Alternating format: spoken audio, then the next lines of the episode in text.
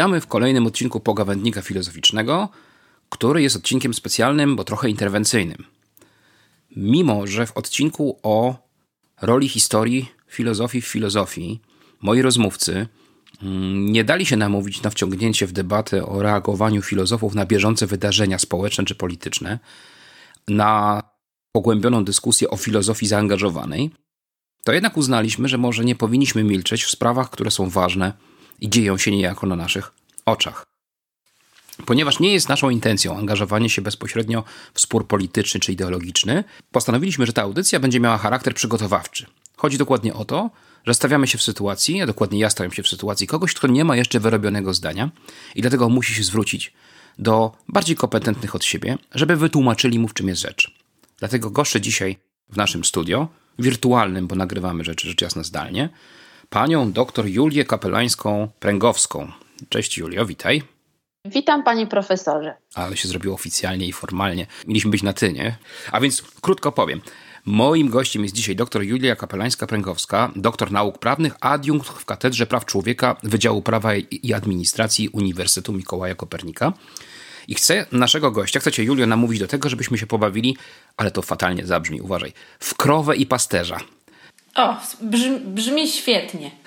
ja będę krową, a ty będziesz pasterzem i zgodnie z starym polskim przysłowiem, jak pasterz krowie, wytłumaczysz mi, o co chodzi w bieżącym sporze, który wybuchł po ogłoszeniu wyroku Trybunału Konstytucyjnego w sprawie wiadomej.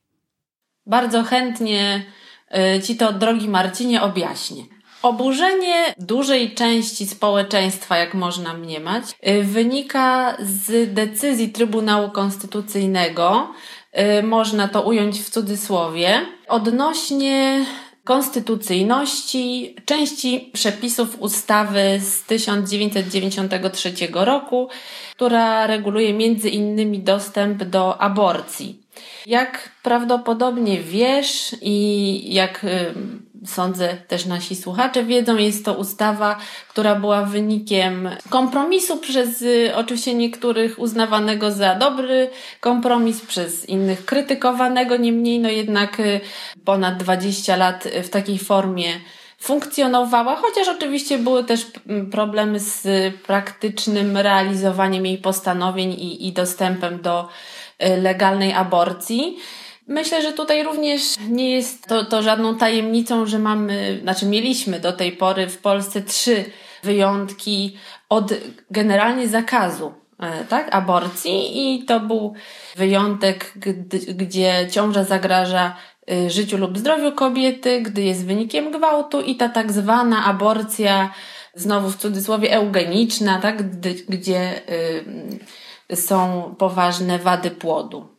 No i ten tak, wyrok tak zwanego Trybunału Konstytucyjnego przekreślił jedną z tych, tych trzech przesłanek, co wywołało sprzeciw y, dość, jak się wydaje, sporej części polskiego społeczeństwa. Bardzo łagodnie to wszystko przedstawiłaś, zupełnie nie, nie telewizyjnie, przepraszam, nie medialnie.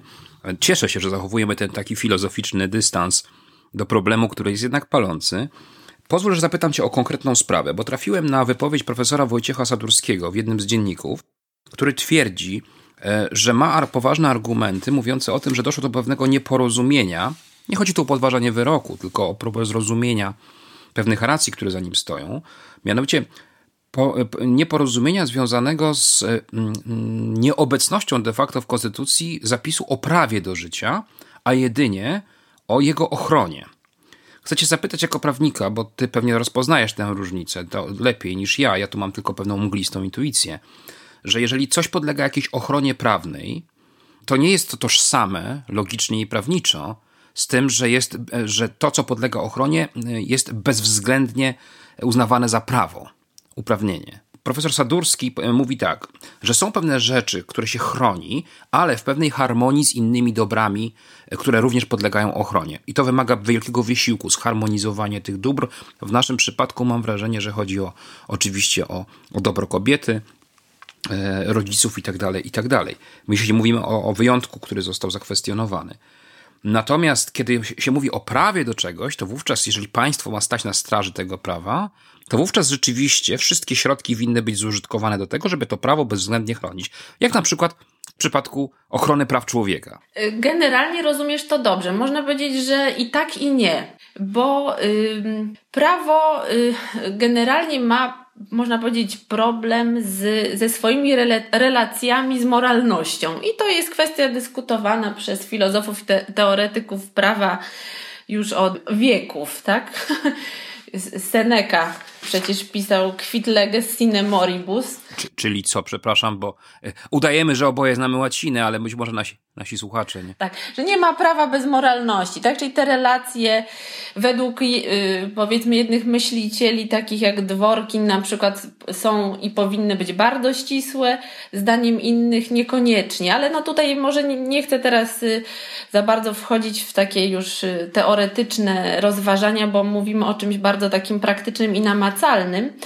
Więc y, generalnie pytanie o status prawny embrionu czy też płodu ludzkiego i początek prawnej ochrony i jej zakres jest sporny. Y, niestety prawo ma to do siebie, że rzadko bywa y, tak sformułowane, że nie ma żadnych wątpliwości interpretacyjnych, bo wtedy tak naprawdę prawnicy byliby zbędni. Tak naprawdę w prawie, o ile nie jest jakieś ekstremalnie kazuistyczne i sformułowane w taki sposób, gdzie rzeczywiście y, norma prawna nie budzi żadnych wątpliwości, co oczywiście się zdarza, tak? Niemniej nie jest jednak y, aż takie częste. No to tutaj można powiedzieć, co prawnik, to inna interpretacja. Akurat w tych tak zwanych hard cases, takich sprawach, gdzie mamy no takie duże nacechowanie tego takiego, można powiedzieć, backgroundu pozaprawnego. Y, jest szczególny problem, bo każdy ma inną opinię na ten temat. Tak? Także tutaj mm, jest to kwestią sporną, tak? Czy, y, czy prawo do życia embrionu i płodu rzeczywiście jest gwarantowane przez konstytucję, czy też nie? Czy też generalnie, kiedy ta ochrona embrionu płodu się zaczyna. Ale tutaj rzeczywiście jakby intuicyjnie też słusznie kazałeś, że ochrona to nie jest to samo, co przyznawanie tak zwanego podmiotowego prawa do życia embrionowi. Może posłużę się tutaj przykładem irlandzkim. Jak dobrze też pewnie wiesz, w Irlandii do niedawna, do y, maja 2018 roku, kiedy to y, odbyło się w Irlandii referendum, w którym zdecydowano o złagodzeniu tych przepisów aborcyjnych, była taka sytuacja, że prawo do życia kobiety i prawo do zdrowia kobiety było równorzędne z prawem do życia embrionu, co oznaczało, że jeżeli kobieta w stanie zagrożenia życia i zdrowia chciała skorzystać z, z aborcji, musiała się w tym celu udać do sądu i to sąd normalnie na rozprawie, tak, czy postępowaniu decydował, które prawo do życia będzie miało tutaj pierwszeństwo. W Polsce takiej sytuacji oczywistej nie ma. Tak? Więc tutaj, tak jak wspomniałam, ta ochrona embrionu y, jest kwestią sporną. Na czym to ma polegać? Może posłużę się też tutaj mm, przykładem takiej fajnej dwoistości, którą prezentuje Konwencja o prawach człowieka i biomedycynie. To jest taki traktat przyjęty przez Radę Europy, gdzie co prawda nie mówi się y, o aborcji, on nie reguluje kwestii aborcji, ale jego zakres podmiotowy jest tak fajnie dwoiście skonstruowany. Bo tam chroni się godność i tożsamość istoty ludzkiej, ale gwarantuje każdej osobie poszanowanie jej integralności oraz innych podstawowych praw i wolności wobec zastosowań biologii i medycyny. I teraz twórcy konwencji wyraźnie yy, wskazywali, że jest to działanie oczywiście celowe, yy, gdyż pomiędzy państwami Rady Europy, jest 47, nie było absolutnie konsensusu co do tego, czy właśnie y, istota ludzka rozumiana jako embrion, płód, czy istota generalnie istota nienarodzona, to jest to samo, co osoba rozumiana w prawie jako osoba będąca podmiotem praw i obowiązków, którą nabywa się y, to, tą zdolność z momentem narodzenia. Więc tutaj y, jest to taki przykład pokazujący, w jaki sposób y, no, prawo, można powiedzieć, i na poziomie krajowym, i międzynarodowym zmaga się z tą potrzebą znalezienia pewnego mimo wszystko kompromisu, czy też y, jakiejś otwartości. Rozumiem, czyli e, bardzo się cieszę, że przyznałaś, że jak to mówią e, pewne kłóce z internetu, jest to kwestia sporno, że jest tu kwestia sporna, prawda? Ten cytat oczywiście był zadresowany do wytrawnych znawców internetu. Natomiast mówiąc poważnie, mm, mamy tutaj konflikt pewnych wartości, jeśli dobrze rozumiem. Prawnicy świetnie sobie z tego zdają sprawę, jak widzę.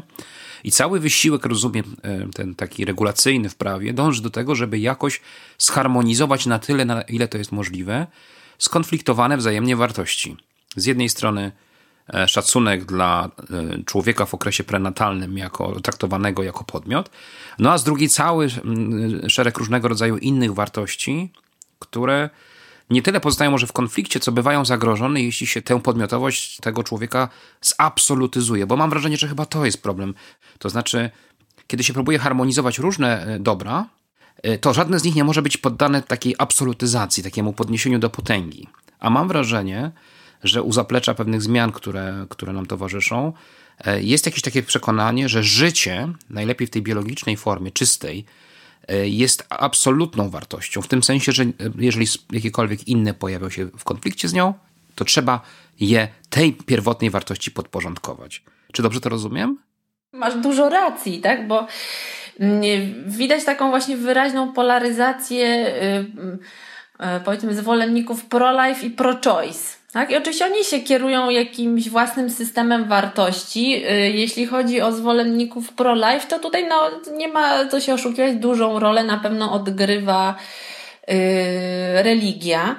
I yy, no, to, do czego powinniśmy dążyć, do czego tak naprawdę służy prawo stanowione, bo musimy pamiętać o tym, że prawo stanowione przez państwo, przez parlament ma skutek powszechnie obowiązujący. Tak? Czyli on będzie miał zastosowanie do wszystkich, do tych, którzy się z tą regulacją zgadzają i do tych, którzy ją kwestionują i kontestują.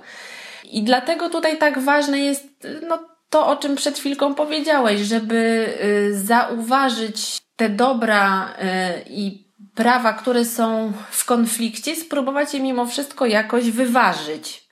Czyli z jednej strony, no tutaj mielibyśmy to prawo do życia embrionu czy płodu, a z drugiej strony nie tylko prawo do życia kobiety, bo tutaj już mówimy o takich właśnie sytuacjach ekstremalnych, jak, jakie miały miejsce w Irlandii, ale też prawo do zdrowia i prawo do poszanowania życia prywatnego. Y, może warto bardziej y, tutaj zasygnalizować to prawo do zdrowia, bo wydaje mi się, że w, w tej naszej debacie obecnie prowadzonej zapomina się o tym, że ono zgodnie z definicjami WHO obejmuje nie tylko zdrowie fizyczne, ale psychiczne. Więc możemy tutaj sobie to odnosić do przykładów, gdy kobieta zachodzi w ciążę y, i okazuje się właśnie, że płód jest obarczony jakąś y, poważną wadą. I sama taka ciąża no, niekoniecznie będzie wiązała się z jakimś ryzykiem dla jej zdrowia fizycznego, ale może dla psychicznego. I to wydaje mi się, że gdzieś w tej debacie też troszeczkę zostało y, zapomniane, a jest y, mocno osadzone w, w prawie człowieka do zdrowia. Jeszcze może taki jeden przykład, bo to chyba dobrze ilustruje właśnie mechanizm działania prawa stanowionego. Znowu irlandzki. W zasadzie takim kazusem, który wywołał też taką powiedzmy burzę w Irlandii, podobną do tego, co teraz obserwujemy w Polsce, była sprawa y, Savity, takiej 30-letniej y, dentystki, y, która zaszła w ciążę w 17 tygodniu rozpoczęło się naturalne poronienie, ale które trwało długo. Y, kobieta trafiła do szpitala, prosiła o to, żeby no, tą ciążę zakończyć po prostu w szpitalu, żeby nie, nie była kontynu, kontynuowana w sposób naturalny, bo okazało się, że tam rzeczywiście płód był obarczony poważnymi wadami, część organów była w ogóle poza ciałem dziecka, więc no, nie było szansy w ogóle na przeżycie. No, lekarze powołując się na ówczesne y, prawo irlandzkie uznali, że takiej aborcji nie mogą dokonać, po czym po kilku dniach ta kobieta zmarła w szpitalu w wyniku zakażenia i sepsy. I to był taki też y, moment y, zapalny, że tak powiem, który wywołał protesty i referendum, które doprowadziło do, do zmiany prawa w Irlandii. I teraz dlaczego ja do tego nawiązam? Ponieważ ta kobieta była Wcale nie była obywatelką irlandzką. Ona pracowała i żyła w Irlandii od dłuższego czasu, ale obywatelką nie, nie była irlandzką, była hinduską. Nie była też katoliczką, ale to prawo, które w Irlandii obowiązywało, ono obowiązywało również ją, tak? Nie, y, czy, czy skutki prawa obejmowały wszystkich no, adresatów tak, tej normy prawnej. I to pokazuje, że tutaj w, w sytuacjach, gdy mamy bardzo no, odmienne podejścia tak, w, w społeczeństwie do, do tej kwestii